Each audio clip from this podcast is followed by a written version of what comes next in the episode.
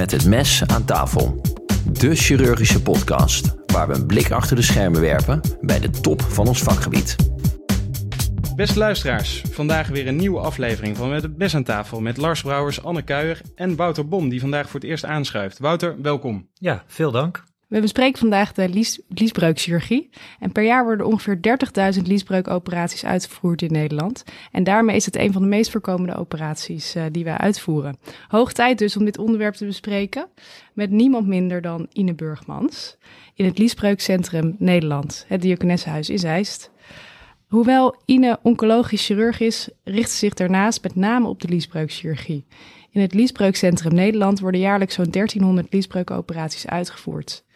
Ine is bestuurslid van de Dutch Hernia Society, betrokken bij de vorming van de nieuwe internationale richtlijn over liesbreuken en in 2015 zelf gepromoveerd op onderzoek naar de endoscopische liesbreukcorrectie en is daarnaast ook inmiddels co-promotor van maar liefst vijf onderzoekers.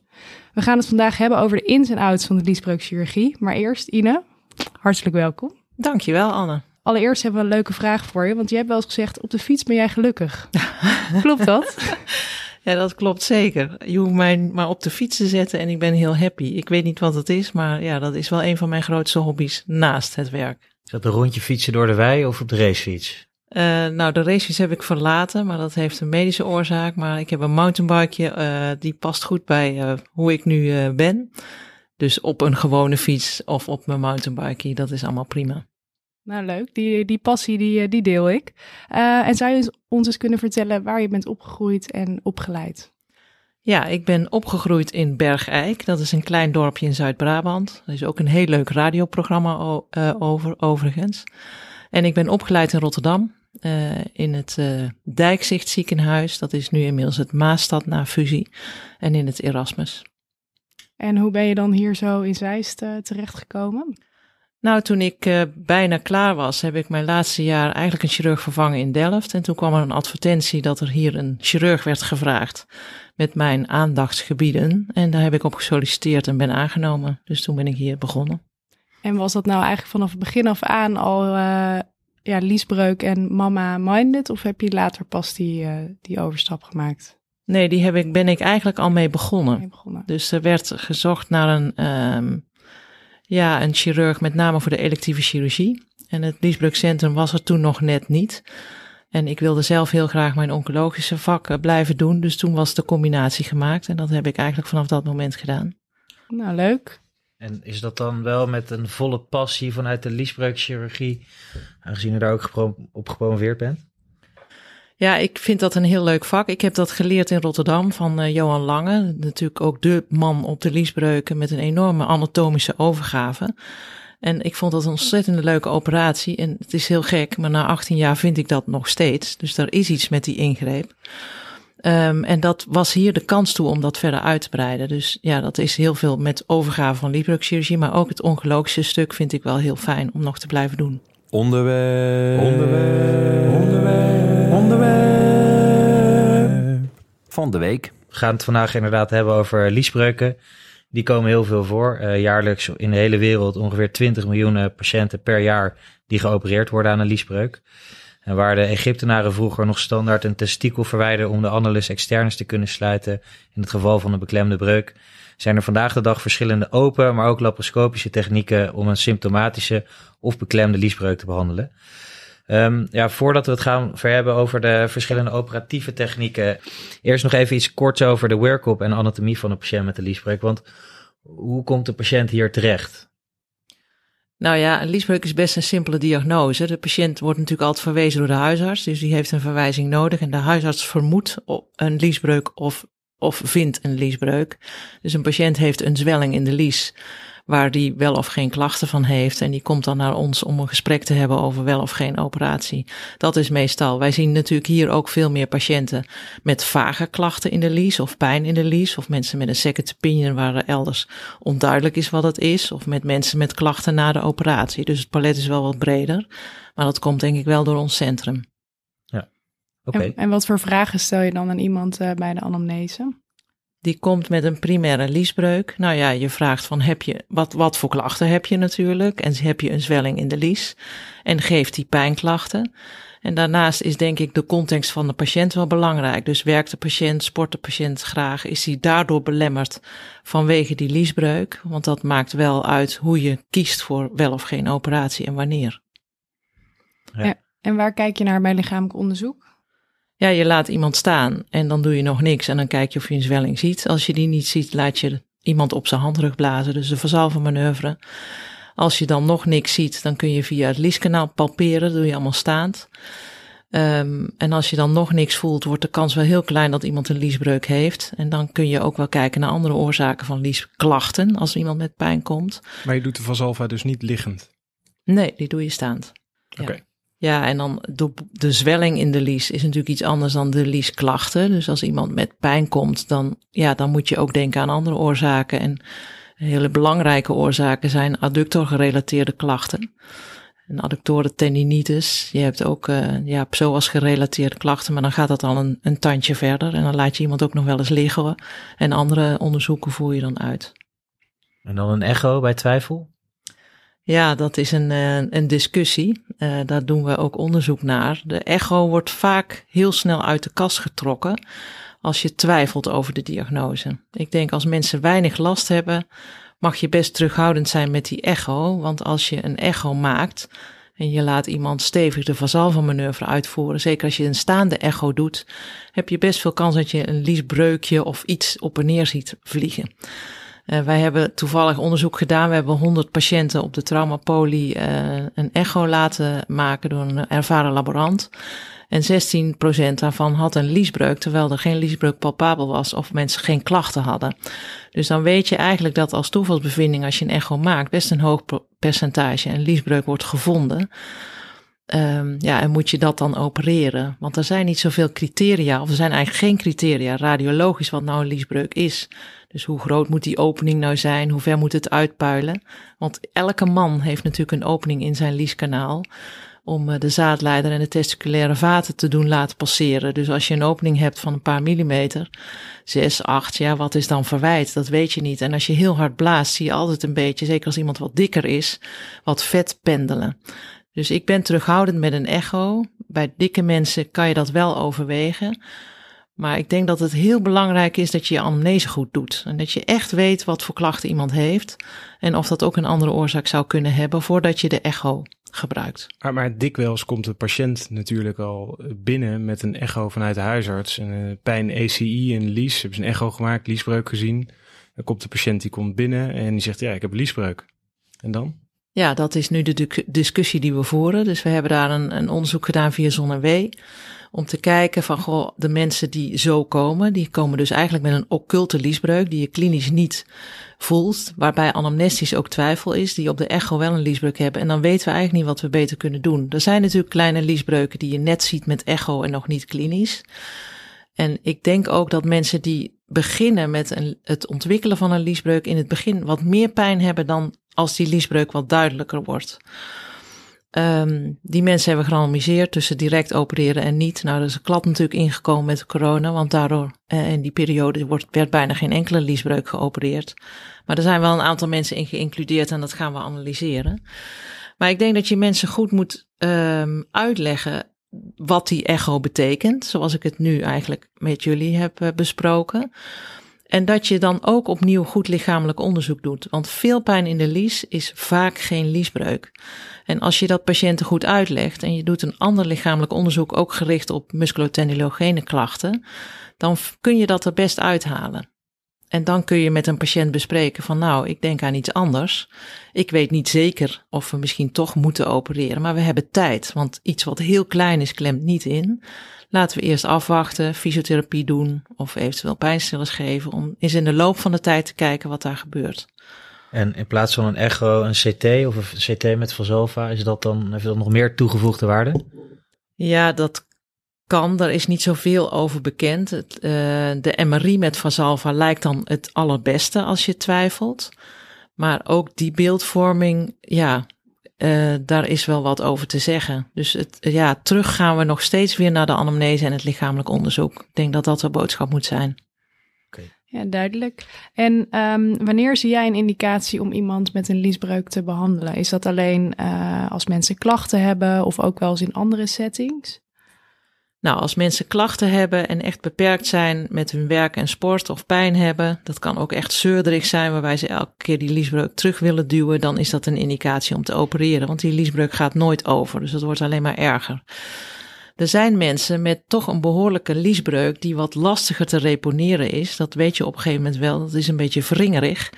Ja, die, die liesbreuken hebben denk ik een wat grotere kans om in te klemmen. Dan ben ik ook wat eerder toeschikkelijk om dat wel te opereren.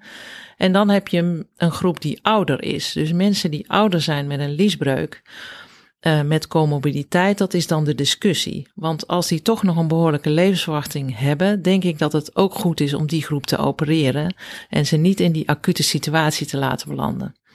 Dus ook dan bespreek ik wel de operatie. Ook als ze geen klachten hebben op dat moment. Ja, die mensen hebben vaak toch wel wat klachten. Uh, ja. Dus helemaal geen klachten, dat is er niet vaak. Um, en dan ligt het wel aan de mate van comorbiditeit en de leeftijd en de klachten. Dus dat neem je allemaal mee. Dan wordt het echt wel patient-tailored advies en share decision.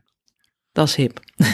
dat is super hip. En misschien ja. nog heel even terug naar, uh, want wat, wat als nou geen liesbreuk is? Wat is nou jullie grootste, um, wat zie je dan het meest? Is dat een bursitis idiopathinia? Is dat een sportsman hernia? Of is dat niet zo te zeggen? Dat, uh...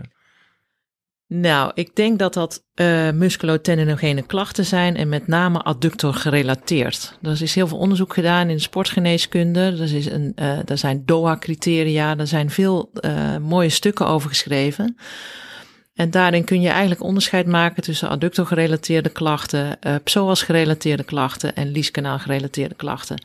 En dat kun je er met, met uh, lichamelijk onderzoek best goed uithalen. Ik denk dat we het meest adductor-gerelateerde klachten zien. Dat zie je ook in de sportgeneeskunde. Een sportsman hernia is eigenlijk een diagnose die je alleen stelt per exclusionem. En die stel je eigenlijk in een multidisciplinair team. Dus daar heb je en een sportarts voor nodig, een radioloog en een chirurg, denk ik, met ervaring. En een sportsman hernia is eigenlijk een, toch ook iets van een zwakte in de lies. Uh, waarbij je die andere oorzaken hebt uitgesloten. En uh, daar hebben we ook onderzoek uh, in gedaan. Dat hebben we gedaan in samenwerking met de KNVB. Met Edwin Goedhart, die ook sportarts is van het Nederlands voetbalteam. Um, en met een hele goede selectie haal je dan wel sporters eruit die die zwakte hebben in de lies en niet iets anders. Die hebben dan ook een periode van sportarts gehad, of sportrust gehad en fysiotherapie. En bij die groep helpt dat dan de TAP-operatie. En daar zit vaak toch wel iets van een anatomisch substraat. Dus dat lieskanaal is wat verwijt.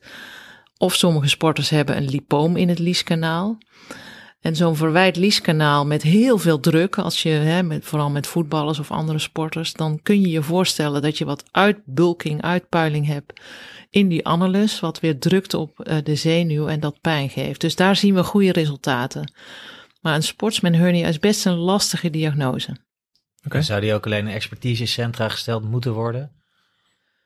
Nou, ik denk als je een liesbreukchirurg bent met, uh, met passie voor dat vak en je hebt een goede relatie met een sportarts, ja, wat is dan een expertisecentrum? Dat vind ik lastig om te zeggen, maar ja, affiniteit met is denk ik wel belangrijk en een goede samenwerking. En hoe ziet de workup er dan uit van, van iemand die een beknelde liesbreuk heeft? Een beknelde liesbreuk is weer iets heel anders. Ja, ja je hebt een beknelde liesbreuk, dat dat kan accreet zijn of echt bekneld wat een acute situatie behoeft. En een acute situatie is dus iemand echt heel veel pijn heeft, of zelfs een obstructie en een ilius.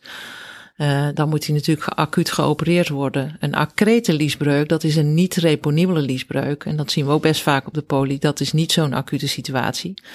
En uh, vaak onder narcose of met verslapping uh, reponeert die breuk. Of zelfs met een kijkoperatie kan je dat heel goed reponeren. Dus dat is gewoon weer de normale benadering. En echt een acute liesbreuk met veel pijn en eventueel een ilius en ook uh, andere klachten, tekenen van beginnende ontsteking, die moet acuut geopereerd worden. Ook midden in de nacht? Afhankelijk van de situatie. Niet vaak, maar het zou kunnen, ja. Oké. Okay. Okay. Ja, en de, dan even een stukje over anatomie. van een het is voor, de, voor veel beginnende AJOS-chirurgie kan de anatomie van het lieskanaal natuurlijk best complex zijn. En het, uh, lieskanaal wordt eigenlijk gezien, kan eigenlijk worden gezien als een, een kleine doos met als anterieure zijde obliquus externe en de posterieure zijde fascia transversalis. Op de bodem het ligament van Poupart en uh, in het dak de musculus obliquus internus en de transverse abdominus. Ja, dat is natuurlijk. Het wordt dan, vind ik, met zo'n doosje niet per se heel veel gemakkelijker op. En bij de man, bij de man loopt er dan ook nog de nervus ilioinguinalis en de funiculus door het kanaal met de ductus en de arteria en vena testicularis, nervus genitofemoralis en de cremasservezels. En bij de vrouw is dit in plaats van funiculus ligamentum teres uteri. Ja, pff, je hebt je goed voorbereid. Hoe, hoe, hoe onthouden we dit nou makkelijk? Nou, het is niet makkelijk. Het lieskanaal is best een complex ding. Het is natuurlijk, het lijkt allemaal eerstejaars, tweedejaars uh, operatie, maar het is complexe materie. En ik denk dat het belangrijk is dat je het veel doet, dat je je goed voorbereidt. Dat kan door boeken, er zijn hele mooie incision filmpjes, maar ook de practica of het onderwijs wordt, wat wordt aangeboden uh, op snijzalen en zo, het helpt denk ik heel erg goed. Ja, wat ik vaak deed en nog wel eens doe, is bij elke operatie, niet meer bij de liesbreuk hoor, maar bij sommige andere dingen, maar dat je van tevoren bedenkt hoe die anatomie is en voor jezelf tekent wat je tegenkomt.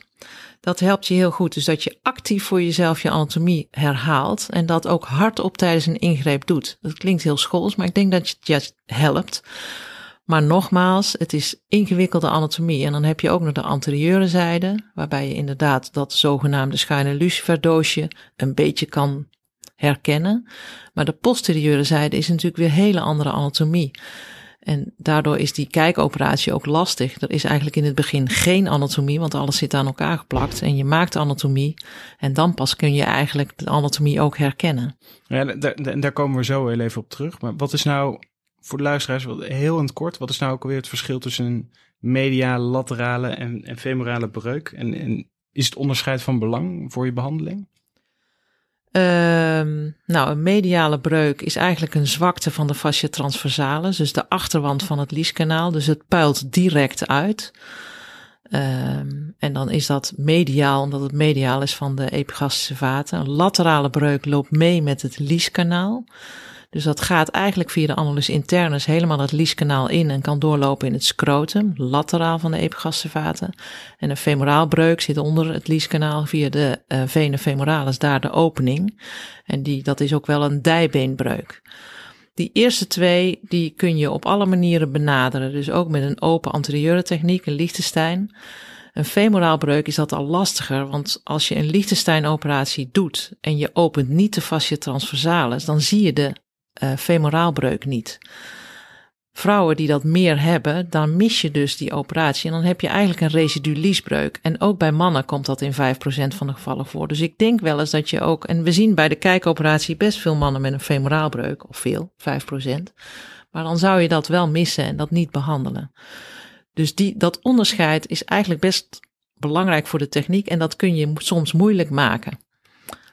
Als het heel evident is, dan zie je dat, dat onder of boven het ligament van Poupart is klinisch. Maar soms zie je dat niet zo goed. Dat is natuurlijk de reden dat we bij vrouwen ook zeggen, doe in ieder geval een kijkoperatie of iets preperitoniaals, want dan zie je hem altijd. En bij mannen waarbij dat niet zoveel voorkomt, is dat minder relevant. Ja, want we maken nu eigenlijk al een beetje een bruggetje naar de operatieve opties die er zijn voor liesbreukpatiënten. Um, ja, er zijn echt best wel heel veel verschillende behandeltechnieken open versus copisch, onleef versus preperitoneaal, mat versus geen mat. Uh, met allemaal hun bijbehorende afkortingen. Uh, best ingewikkeld. Uh, zou jij voor ons eens kunnen uitleggen wat de volgende chirurgische technieken nu precies inhouden? Wat is bijvoorbeeld het verschil tussen een TAP en een TAP, allebei de laparoscopische technieken? Ja, bij een TAP zit je volledig preperitoneaal. Dus je gaat via de navel, heb je je entree, waarbij je niet door het peritoneum gaat. Dus je schuift over de achterwand van de recteschede. De achterste, die stopt op een gegeven moment, die recteschede aan de achterkant. En dat is de linea semicircularis. En dan kom je vanzelf in die preperitoneale ruimte. Nou, daar blaas je dan uh, CO2 in en dan prepareer je als het ware steeds meer ruimte. En dat is ook de ruimte waar je het matje plaatst. Dus als je dat voldoende vrijmaakt, kun je daar het matje direct plaatsen. Een tap, bij een tap begin je direct intra-abdominaal, dus hetzelfde als een labgol of een appendix die je scopisch opereert. Daarvoor moet je dan uh, het peritoneum openen om in de preperitoneale ruimte te komen. Dus dan doe je eigenlijk een extra handeling. Het voordeel is wel dat je een zee van ruimte hebt. Mhm. Dus in plaats van een sleutelgaatje zit je in een grote garage. Maar je doet wel een extra handeling en je moet dat peritoneum ook weer sluiten. Ja, dat moet je weer dicht hechten dan uh, Ja. eigenlijk. Oké. En als we dan kijken naar de open technieken, de Liechtenstein, nou, die kennen we denk ik uh, allemaal. Maar je hebt volgens mij ook nog de Schuldeis en de TIP of de PAS-procedure of de TREP. Um, ja, wat zijn de verschillen nou tussen die opties? De Schuldeis is een techniek zonder mat, waarbij je dus met verschillende lagen eigenlijk een nieuwe reconstructie doet van de lieskanaal achterwand. Dat wordt nog wel gedaan bij mensen die echt geen matje willen, maar daar heb je wel een hogere kans op een recidief. Uh, en ook wel op pijn. Um, en dat hangt natuurlijk ook af van je ervaring. Dan heb je de uh, tip, dat is de transinguinale preperitoneale techniek, waarbij je het matje aan de achterwand van de buikwand legt, maar wel van anterieur benadert. Mhm. Dus je doet eigenlijk een Liechtenstein benader, maar benadering, maar je prepareert dan wel aan de achterkant van het lieskanaal. En dan had je er nog eentje die ik moest toelichten. Trap.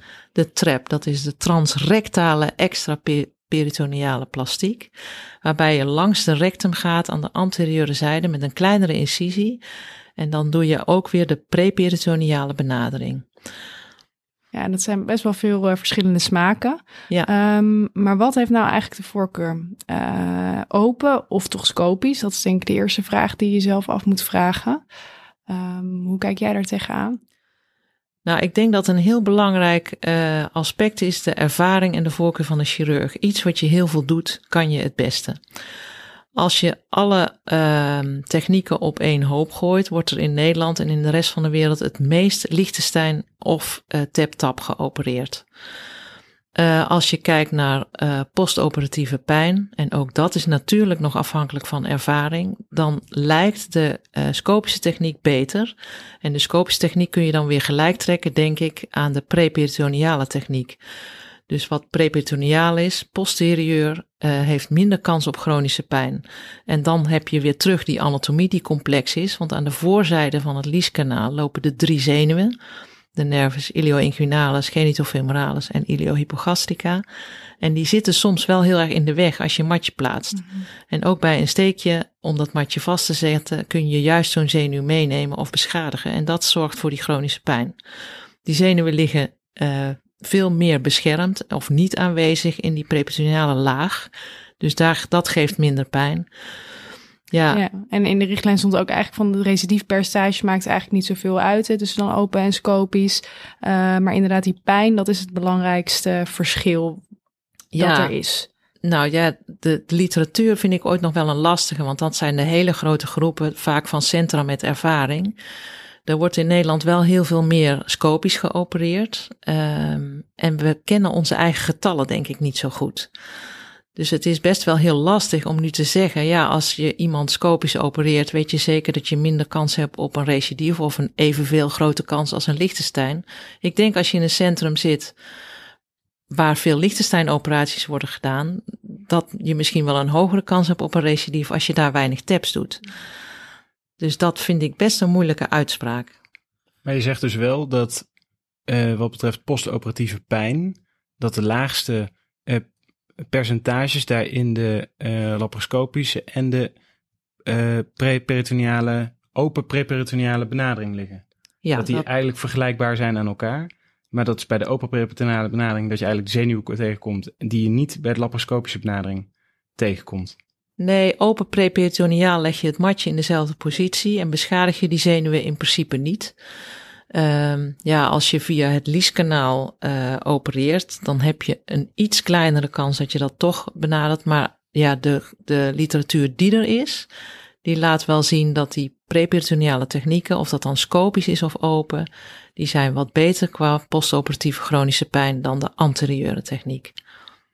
En er, lopen drie zenuwen door het lieskanaal uh, die chronische pijn kunnen veroorzaken. Moeten we die dan niet gewoon opofferen? Uh, en daarmee voorkom je dan dat er chronische pijn is? Ja, daar is natuurlijk heel veel onderzoek naar gedaan. Het opofferen zegt niet altijd dat je dan minder chronische pijn uh, hebt. Het allerbelangrijkste is dat je bewust bent van de zenuwen. En dat je kijkt of je ze kunt identificeren. Uh, en dat kan eigenlijk bijna altijd. Soms ligt de iliohypogastricus heel erg verstopt en dan ligt hij net onder die laag waar je je matje fixeert. Um, en als een zenuw echt in de weg ligt om het matje goed te plaatsen, dan moet je hem opofferen. Dat is eigenlijk het advies wat je met die zenuw moet doen. Dus standaard alles weghalen hoeft ook niet. Dat geeft niet per se minder pijnklachten dan vooral identificeren en alleen weghalen als nodig. En hoe offer je hem dan op? Knip je hem door of uh, probeer je alles weg te halen? Of laat je lokaal lidocaïne achter? Nou, het alleen doorknippen geeft, kan een neurinoom geven en geeft dan soms weer meer kans op pijnklachten. Dus het beste lijkt om die zenuw dan zo ver mogelijk te vervolgen. Naar proximaal en distaal tot in de spier en hem dan zo diep mogelijk uh, daarna door te branden of knippen. Daar is het laatste nog niet over gezegd, maar wel om de zenuw echt zo ver mogelijk weg te halen en het stompje te begraven in een stukje spier. Ja, en dit, dit zijn eigenlijk dilemma's eigenlijk voor de open technieken voornamelijk. Hè? Um, hè, wat, wat, wat voor open techniek gebruik jij? Dus de Liechtenstein of de tip of de trap, wat doe jij? De Liechtenstein. De Liechtenstein, ja. Oké. En, um, en de PAS hoor ik ook nog wel eens uh, in de landen. Wat vind je daarvan, van die, uh, van die ingreep? Ja, dat is eigenlijk een dubbele mat. Daar ben ik eigenlijk niet zo voor, want dan beschadig je en het preperitoneale deel en het anterieure deel. Uh, ja, elke patiënt die je met een liesbreuk opereert heeft een kans op een recidief. Uh, en dan wil je liefst een laag benaderen waar nog niet eerder in geopereerd is, want anders heb je twee keer fibrose. Dus als je een dubbel layer mat hebt gebruikt, dan maak je het jezelf wel lastig. Dus ik zou daar niet voor kiezen. En je zegt je doet het liefst de Liechtenstein uh, als open benadering, maar dat is niet de, daar leg je, dan leg je niet de mat preperitoneaal. Nee, nou die bewaar ik eigenlijk ook voor de patiënten waar ik geen tap doe. Dus mijn voorkeur gaat uit naar een tap, omdat wij dat heel veel doen en onze resultaten zijn ook heel erg goed. Uh, als een tap niet kan, dan wordt het een Liechtenstein. Omdat en dat je... is een hele goede ingreep ook, denk ik, en een prima tweede keus. Alright. En het woordje mat is nu al een paar keer gevallen. Um, wat voor mat moeten we dan gebruiken? Nou ja, er zijn ontzettend veel matjes uh, op de planken. Uh, ik denk dat je het meest eenvoudige en het goedkoopste matje kunt en moet gebruiken. Uh, we hebben wel onderzoek gedaan naar lightweight versus nou, medium of heavyweight mesh. En daar komt uit dat eigenlijk die medium heavyweight mesh het wat beter doet. En ik denk vooral omdat je niet fixeert en bij grotere defecten zie je dan een eerder recidief en ook wat meer pijn. Dus wij gebruiken dat nu als standaard mat voor de kijkoperatie. Uit de literatuur is ook wel gebleken inmiddels dat je iets meer kans hebt op pijnklachten, minder kans hebt op pijnklachten bij de open techniek als je lightweight gebruikt. Dus dat doen we ook en dat staat nu ook in de richtlijn. Um, matten met allerlei voorgevormde toestanden uh, en extra versteviging, ook voor die kijkoperatie. Ja, dat is echt niet nodig. Um, ik weet wel dat mensen die een trapoperatie doen, omdat je, ja, dan opereer je vanuit de buitenkant en heb je iets minder zicht, dan is zo'n mat met een uh, 3D uh, geheugen lijkt wat beter, omdat het zich wat beter ontvouwt. Maar voor de TAP-operatie is dat absoluut niet nodig. Dus ik ben voor goedkoop en eenvoudig. En hoe heet die mat dan? Dat is gewoon de poly polypropylene mat. Polypropylene mat. Dus voor Liechtenstein, TAP, altijd de polypropylene mat. Ja. Oké, duidelijk. en je zei net al eventjes van, uh, ik doe eigenlijk het liefst bij iedereen een TAP. Als dat niet kan, dan doe ik een Liechtenstein. Maar wat zijn nou eigenlijk de contra-indicaties voor zo'n uh, TAP-procedure of een laparoscopische techniek? Nou ja, dat hangt van je ervaring af. Um, ik denk dat voor mij is het uh, de belangrijkste contra-indicatie is preperitoneale operatie in de voorgeschiedenis. Dus eerder een tap aan die kant. Of mensen die een prostatectomie hebben ondergaan of bestraling uh, in dat preperitoneale gebied. Soms kan dat nog wel, maar dat, dat, ja, dat vind ik eigenlijk wel heel ver gaan, omdat je dan vaak toch veel adhesies hebt. Um, Scrotaalbreuk? Nou, een hele grote scrotaalbreuk, die zou ik ook niet meer met een tap opereren. Maar een wat kleinere scrotaalbreuk die goed reponibel is, kan prima. En dat geldt ook voor onderbuikslaparotomie of voor een tap eerder aan de andere kant of voor een appendectomie in de voorgeschiedenis of een uh, sectio. Maar dat is wel al wat hogere wiskunde, dus dat moet je niet doen als je weinig ervaring hebt.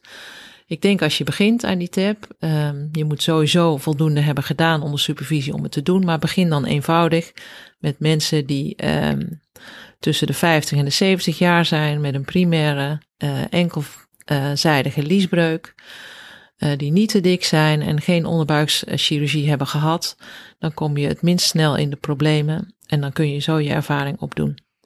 Oké, en wat doe je nou eigenlijk als iemand bijvoorbeeld al een TAP heeft gehad en dan een recidief krijgt? Hoe vaak komt dat überhaupt voor eigenlijk? Nou, dat komt in onze studie voor 0,8 procent. Oh ja, dat is echt weinig.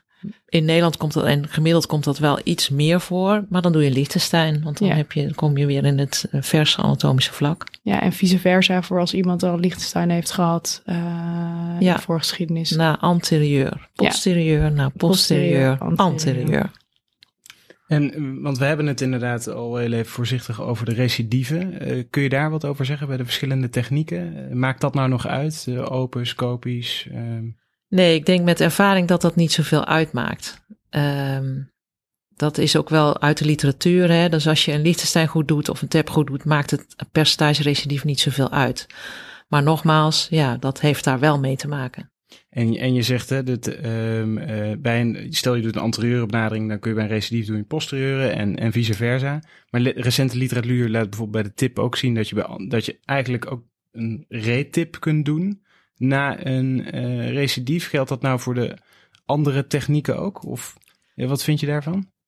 Nou, ik vind dat niet zo verstandig. Ik vind, hè, ik vind als je preperitoneaal hebt geopereerd, dan moet je terug naar anterieur, want je hebt gewoon meer littekenweefsel. Kijk, dat kan heel veel. Je kan ook een tap na een tap doen. Ja, dan ben je anderhalf, twee uur bezig, dan heb je meer bloeding, dan heb je een hogere kans op letsel. Waarom? Dus hou het eenvoudig en ga uh, kies een ander vlak bij een recidief. Kijk, bij een derde of vierde recidief, dan wordt het echt complex. En dan vind ik ook wel dat je naar een centrum moet waar veel ervaring is. Maar waarom zou je dat doen als je nog de mogelijkheid hebt om het op een andere manier te doen? Dus ik ben daar echt niet voor. Duidelijk. Ja, en ik heb ook nog zelfs wel eens de neiging om bij hele oude patiënten uh, dan toch een Liechtenstein te doen, omdat ze niet onder narcose hoeven. Uh, en bij de TAP dan wel. Uh, hoe pak jij dat aan? Zeg maar bij hele zwakke mensen, is dat ook een overweging? Of zeg je van nou, nou, dat dacht ik ook wel. Ja, wat is dan zwak? Hè? Wij hebben een, ook een studie gedaan bij oudere patiënten, die eigenlijk ook heel goed uit die TAP komen. Maar ik ben het wel met je eens. Er zijn mensen die willen gewoon geen narcose. Uh, of die zijn pulmonaal dusdanig dat het ook niet zo wenselijk is. Uh, en dan kun je overgaan tot een Liechtenstein. Uh, een spinaal is ook niet altijd wenselijk. Dus het is niet altijd per se beter. En dan kun je wel uitwijken naar een operatie onder lokaal anesthesie. Ik denk dat daar wel steeds meer podium voor is. Wij doen dat ook niet zo heel veel, omdat wij toch vaak de tap doen, omdat die resultaten ook echt wel goed zijn bij ons. Maar ik denk dat daar wel echt uh, ja, ruimte voor is om wat meer mensen, ouder ook, onder lokaal te opereren. En zou je niet bij, want een tap kan ik me voorstellen dat je die altijd onder narcose moet doen, maar een open benadering zou je onder spinaal kunnen doen, maar zou je zelfs onder lokaal kunnen doen. Zeker, ja. Dus geniet dat dan niet de voorkeur? Ja, bij, dat, uh... dat bedoel ik eigenlijk. Ja, ja, ja. Dat, uh, ja, dat zei je net eigenlijk. Hè? Ja, ja, ik bedoel onder lokaal. Dus echt de oudere kwetsbare patiënt ja, okay. waarvan je toch echt vindt dat je moet opereren, daar is ruimte voor lokaal anesthesie. Ja. Nou, ik denk dat we wel kunnen concluderen dat het best wel een uh, tailor-made uh, pakket is. Als je zoveel keuzes hebt en dat je goed naar je patiënt moet kijken, wie je voor je hebt, wat uh, overwegingen moeten zijn.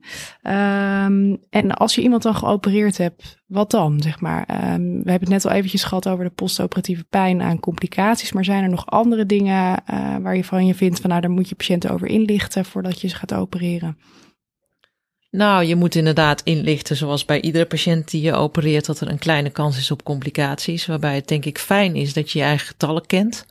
Want dan kan je ze het beste voorlichten. Um, ja, en verder is het vaak toch een vlot herstel. Dus mensen kunnen na een week tot tien dagen hun gewone dingen weer doen. En ja, je moet een beetje voorzichtig zijn, denk ik, met echt krachtig sporten, et cetera. Maar als het allemaal vlot verloopt, kunnen mensen weer ook snel hun dingen doen. Wat geven jullie daarvoor een adviezen mee? Twee weken niet sporten, zware dingen tillen? Of, of hebben jullie daar iets concreets voor? Het is niet heel concreet. We zeggen altijd van een week rustig aan en daarna wat kan, dat mag. En dan zeg ik wel bij mensen die heel zwaar werk doen of echt meteen vol willen sporten, van wacht daar een week of twee mee en gaat het dan rustig opbouwen. Okay. Duidelijk. En ik heb wel eens iemand gehad die zat s'avonds al uh, in het restaurant. Die voelde zich zo goed. en liep de marathon een week na de operatie. Ja, kijk maar dat zijn de uitzonderingen. En zien jullie nou iedereen weer terug op de poli? Nee, wij zien niemand meer terug op de poli tenzij. Dus mensen krijgen uh, nog een belafspraak waarvan ook de vraag is, moet dat per se? Dus we proberen steeds meer mensen goed in te lichten. Uh, wel beschikbaar te zijn als er vragen zijn, maar niet standaard uh, allerlei controles in te boeken. En we begrepen dat er ook ontwikkelingen zijn in het ontwikkelen van een app om dat misschien te gaan doen. Om die follow-up te stroomlijnen. Ja, nou, er is van alles te doen om apps. We zijn er ook mee begonnen en dat werd wel heel goed ontvangen. Het lastige is als je een app maakt, moet die heel erg goed zijn. En dat kost natuurlijk heel veel geld. Um, dus we, we hebben een website waarbij we denk ik patiënten heel goed informeren met instructies, et cetera. En misschien kunnen we die app verder doorontwikkelen om dat te doen. Dat mensen dat ook echt bij de hand hebben en wat meer in de tijdlijn van de behandeling. Maar dat is een ontwikkeling. Wat, wat kunnen we nou doen in Nederland eh, om, om allemaal zo min mogelijk uh, recidieven te krijgen en zo min mogelijk chronische pijn? Is dat dat we dan toch ook met zoals veel ziektebeelden moeten gaan superspecialiseren en dat we allemaal naar een, een liesbreukcentrum moeten gaan? Of is dit toch iets wat, wat elke chirurg ernaast zou moeten kunnen doen? Nee, ik denk dat dit ook niet iets is wat je er zo als elke chirurg naast kan doen. Het, we hebben het natuurlijk, we begonnen met de anatomie, die is complex, dus dat is goed dat je die goed kent. Um, en ja, je ziet zelfs, er zijn veel chirurgen die liesbreuken opereren, maar het is ook belangrijk. En gelukkig is er ook heel veel aanbod, dus ik denk dat ook heel veel chirurgen dit kunnen blijven doen. Maar je moet er wel echt vol interesse in hebben en dan wordt je uh, uitkomsten worden ook wel beter. Dan is er een leer, ja, er, er, is een leercurve. Zeker, zoals bij elke operatie toch? En is die stel of is die vlak of uh, bereik je snel een, een... Ja, voor de TAP is dat heel goed uitgezocht en die is enorm lang, die leercurve, waarbij we nu in de richtlijn hebben gesteld van je moet echt als assistent 50 uh, ingrepen onder supervisie doen. Nou, dan kun je dat goed zonder de grote complicaties. Maar daarna loopt die leercurve nog door. Ja, en voordat je dus een TAP heel eenvoudig binnen de 20 minuten opereert en ook alle uh, patiënten met alle mitsen en maren gemakkelijker erdoor kan doen, ben je toch wel, nou, 250 tot 400 ingrepen verder. Maar ik denk dat dat voor veel operaties geldt uiteindelijk. En is dat dan iets wat je wel kunt halen binnen je opleiding of als algemeen assistent? Of is dat iets waar je echt als, als assistent echt op moet inzetten omdat ik denk dat je moet inzetten. Ik denk dat het goed is. Uh, het is natuurlijk belangrijk dat je de anatomie kent. Maar als je echt liesbreuken wil opereren, is het goed dat je dat uh, naar je toe trekt. En dat je daar een soort stage van maakt. Dat je dat ook je toe-eigent. Als je kijkoperaties wil doen, dat je er ook echt 50 gaat doen in je opleiding. Dus dat je dat regelt voor jezelf. Want anders wordt het wel heel lastig.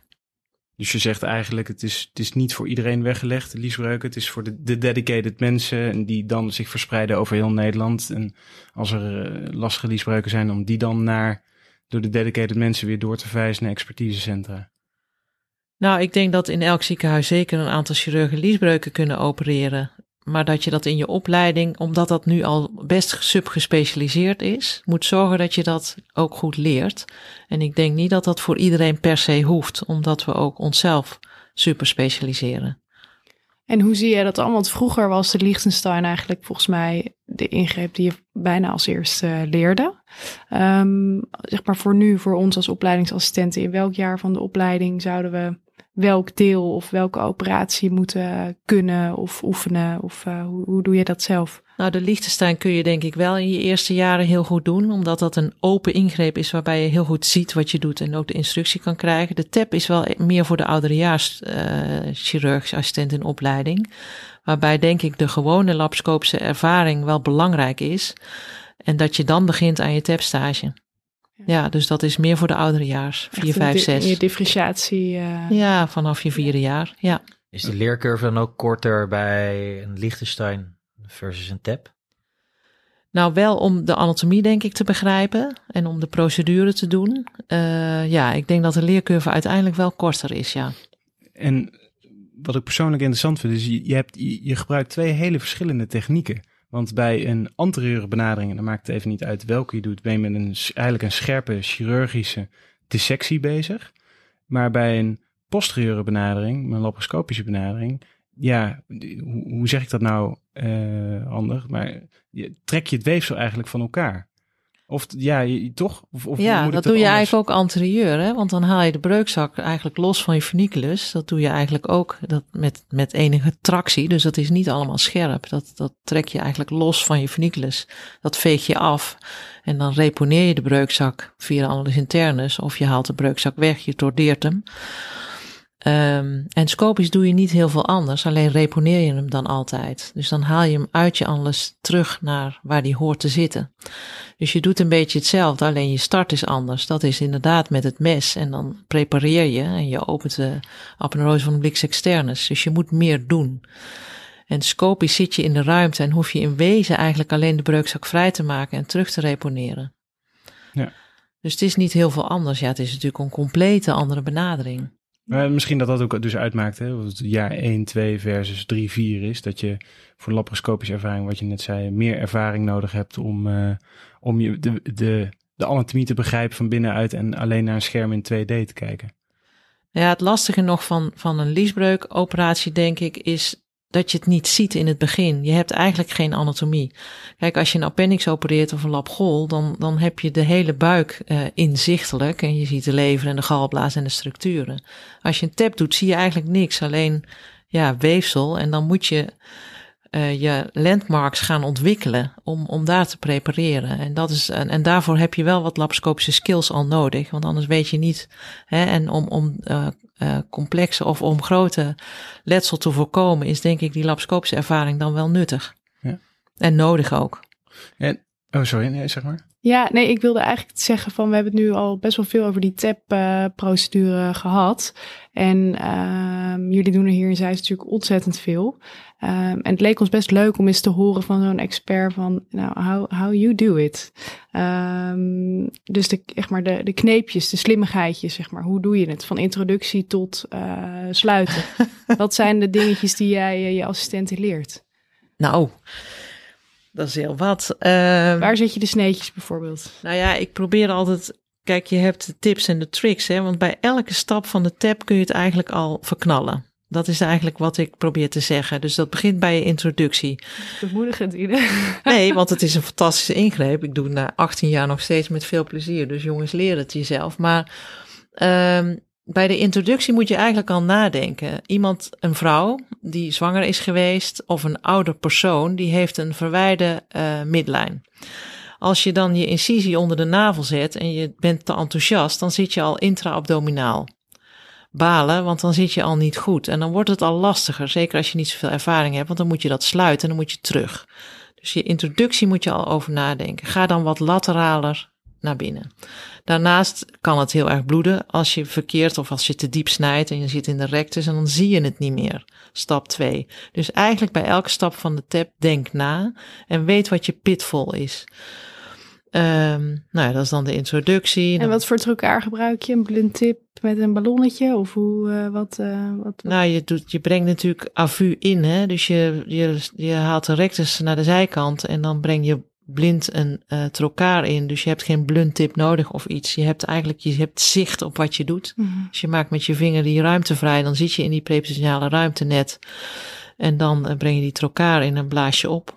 En dan ga je kijken. En je moet ook niks doen voordat je het begrijpt wat je doet. Dat is de volgende tip. Want als je meteen woest begint, ja, dan heb je letsel. Dan kan je de corona mortis beschadigen. Dan zie je niks meer. Dan heb je een probleem. Of je hebt een blaasletsel. Of je zit te hoog of te laag. Als je te hoog begint, te dicht op de rectus, dan heb je kans dat je de epigastische vaten meteen op de bodem hebt liggen. En dan begrijp je niks van je anatomie. Dus het is heel goed kijken voordat je het doet. En als je een ervaren tapchirurg het ziet doen, lijkt het enorm simpel en denk je dat dat ook zo snel moet, maar dat hoeft helemaal niet. Dus kijk en doe iets, doe niet iets voordat je het ziet. En daarvoor is het belangrijk dat je je epigastische vaten identificeert en dan pas naar lateraal opereert. En dan uh, ga jij dan die breukzak, melk je die uit de, uit, uh, zeg maar, om te reponeren? Of doe je dat wel eens met diathermie, dat je het losmaakt? Nou, je hebt niet zoveel diatomie nodig, want het is eigenlijk allemaal avasculair. En bij mediale breuk zie je eigenlijk meteen die uitpuilende fascia transversalis. Dus dan trek je aan het preperitoneale weefsel en, en ja, plopt dat vanzelf eigenlijk terug. Laterale breuk moet je vaak wel meer doen, maar ook dat gaat bijna allemaal stomp. Ik heb wel altijd diathermie op tafel om toch wat bloedingjes meteen op te lossen om een hematoom te voorkomen. Maar je hebt niet veel diathermie nodig. En kijk je altijd naar de andere kant? Nee. Nee, dat zou je bij een tap dan weer wel uh, goed kunnen doen, omdat je dat meteen ziet. Dus daar zie je het effect. Maar bij een tap, als je dat doet, dan maak je eigenlijk je uh, hele preperitoneale ruimte open. En dan heb je eigenlijk je kans verkeken om daar nog een keer terug te komen. Dus je doet het echt op je anamnese en lichamelijk onderzoek op de poli. En daar bepaal je welke kant of beidezijds. En dan is dat bepaald. Dus je gaat niet aan de andere kant een tap doen. Als je die indicatie niet hebt gesteld. En hoeveel doe je er nou op een dag? Of hoe, hoe ziet jouw werkdag er nou uit als je, de, als je de hele dag taps doet? Nou, hele dag taps is best heftig. Dus we doen altijd een halve dag taps. Ja. En dan doen we gemiddeld zo'n zes ingrepen. Op per dagdeel. Per dagdeel. En hoe, hoe gaat het dan? Werk je dan op één operatiekamer met, uh, en iedereen gaat onder narcose en tussen 8 en 12 doe je dan zes taps onder narcose? Ja, ja ik opereer meestal smiddags, maar de Ja, ochtendtapper doet dat zo. Ja. ja, we hebben natuurlijk ook een heel ervaren team. Hè? Dus ook de anesthesie, anesthesiemedewerker en de OK-assistenten, die zijn daar wel heel erg op getraind. Dus wij hebben ook snelle wisseltijden en et cetera. Dus dan kan dat ook. Het helemaal op elkaar ingespeeld. Want je moet nog steeds uh, in alle rust kunnen opereren, vind ik. Maar dan kan dat heel erg goed, zo'n programma. Ja, mooi. En, Ja. en, en hoe doen jullie dat dan met, uh, want er komt dan ook AIOS, denk ik, hier voor, Ja. om de taps te leren. Hoe gaat Zeker. dat dan? Nou, dat zijn dus de mensen die dat echt willen leren. En die Mhm. bespreken dat met ons. En dan reduceren we de programma's. Dus dan doen we minder uh, tabs op die programma delen. Een beetje afhankelijk van de ervaring. Dus als iemand begint, dan beginnen we met minder tabs. Of we zeggen, nou, jij opereert er uh, een aantal. Of je doet alleen een stuk van de ingreep. En dan breid je dat langzaam uit. En dan kun je zo'n stepstage uh, afspreken met ons. We hebben nu ook wat verzoeken van buiten de regio. En ik had een hele leuke ervaring met een, uh, een AIOS uit Groningen. Die heeft bij ons een stepstage gedaan van een maand.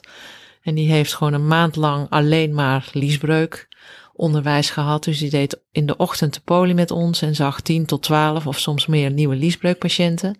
En deed in de middag de operaties met ook verschillende chirurgen. Want we hebben natuurlijk ook allemaal net onze kleine nuances. En dat vond ik een hele leuke ervaring om het zo te doen. Ja. Quick for. Heel kort, wat is, je, wat is je grootste passie buiten het ziekenhuis? Fietsen toch? Ja, fietsen. Fietsen, fietsen, fietsen. nou, dat is wel overdreven, maar ik vind het heerlijk, ja. Um, wat zou je doen als je geen chirurg geworden was? Ja, dat vind ik best een lastige vraag. Ik wilde altijd naar de kunstacademie of chirurg worden, al heel jong als kind. Dus misschien was het dan de kunstacademie geworden. En waar dat toe had geleid, geen idee. Um, en ik denk dat er zoveel vakken mooi zijn. Ik heb ook wel eens gedacht aan de huisartsgeneeskunde, een fantastisch vak. Uh, gynaecoloog heb ik nog wel eens willen worden, plastisch chirurg. Um, maar ook uh, leraar op de lagere school. Ik denk als je iets bevlogen doet, dat je echt heel veel mooi werk kan doen. Maar goed, misschien kunstacademie dus.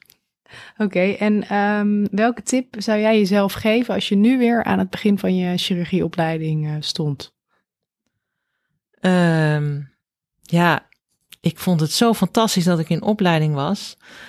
Um, en dat zou ik denk ik weer zijn. Dus ik weet niet of het anders zou zijn. Mijn eerste ingreep was een Schuldeis trouwens. en misschien wel leuk om te vertellen, want ik was helemaal stralend dat ik een operatie mocht doen. Maar ik moest het verslag maken en ik had geen idee wat ik moest opschrijven. want ik was natuurlijk helemaal door die operatie geloosd. Nee, weer zo. Ga, ga vol in het vak en ben bevlogen en dan komt het helemaal goed. Mooi. Wat is de grootste verandering die heeft plaatsgevonden uh, tijdens je carrière binnen chirurgie? Nou, ik denk wel dat die subspecialisatie steeds meer is. En ook wel het moeten registreren uh, van de dingen. En steeds meer laparoscopisch uh, opereren. Duivelse dilemma's. Ja, en dan uh, als laatste ja, geven wij onze gasten altijd wat duivelse dilemma's. Dus ook jij ontkomt er niet aan. Ine, alleen nog maar liesbreuken opereren of alleen nog maar mama's? Oeh, dat is best een lastige. Um, ja, ik vind het oncologische deel van mijn werk heel erg leuk, omdat dat ook het complexe stuk is. En misschien ga ik dan, ja, nee, ik, ik, ik denk dat ik voor de onco ga als het echt moet. Het is heel duivels dit. Ehm, Zeeland of Terschelling? Terschelling. En waarom? Ik vind een eiland fantastisch. Het is duivels, hè, want ik hou ook van Zeeland. Daar ben ik ook vaak, maar dan toch maar Terschelling. En open of scopisch? Scopisch. Scopisch, mooi. 20 kilometer tegen de wind in fietsen of 20 kilometer lang een berg op fietsen? Allebei leuk. Ehm, de berg. Ja. Heel goed. Oké. Filosofisch. En als, eh, als laatste eh, Zeist of Utrecht? Jongens, jullie hebben ze wel goed verzonnen. Ehm, Utrecht. Utrecht. Ehm, ja, Ine, dank je wel ehm, voor deze mooie podcast over de liesbreukchirurgie. Ehm, we vragen eigenlijk altijd aan de sprekers of ze nog een take-home message of eh, laatste boodschap hebben voor de luisteraars. Ehm, heb je daar eventueel over nagedacht? Daar heb ik nog niet zo over nagedacht, maar we hebben het over de liesbreuk. Dus als je dat wil leren, zorg dat je het goed leert. En eh, nou, ga ervoor. Dank, dank, Duidelijk, eh, dankjewel. Merci. dankjewel om me te mogen interviewen. Graag gedaan. Dank jullie wel ook. Dit was Met het Mes aan tafel. Tot de volgende keer.